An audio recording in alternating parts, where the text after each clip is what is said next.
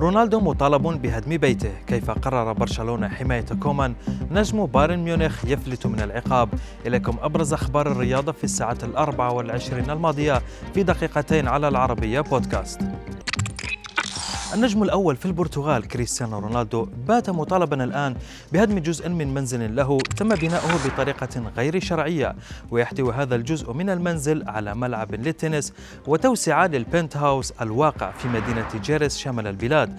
وبحسب تصاريح عمدة المدينة فإن رونالدو قد وافق على هدم التوسعة المقدرة مساحتها بنحو خمسة آلاف قدم مربع.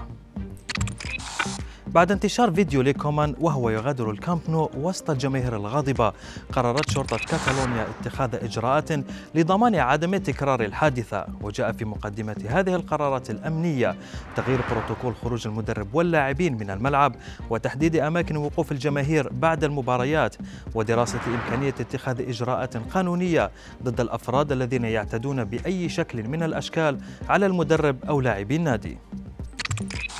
بعد عدة أيام قضاها في العاصمة الفرنسية نشر رونالدينيو عبر حسابه على إنستغرام ملخصا للزيارة ولقائه مع زميله السابق ليو ميسي.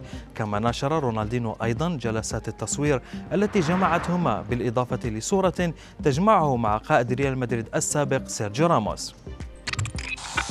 في آخر أخبار نجم بايرن ميونخ لوكاس هرنانديز أصدرت محكمة مدريد في حقه حكما بالسجن لمدة ستة أشهر مع وقف التنفيذ ويأتي ذلك بعد الطعن الذي قدمه اللاعب الفرنسي عقب الحكم عليه بالحبس النافذ. واشترطت المحكمة عدم وقوع لوكاس في أي جريمة لمدة أربع سنوات مع توقيع غرامة مالية في حقه بقيمة 100 ألف يورو.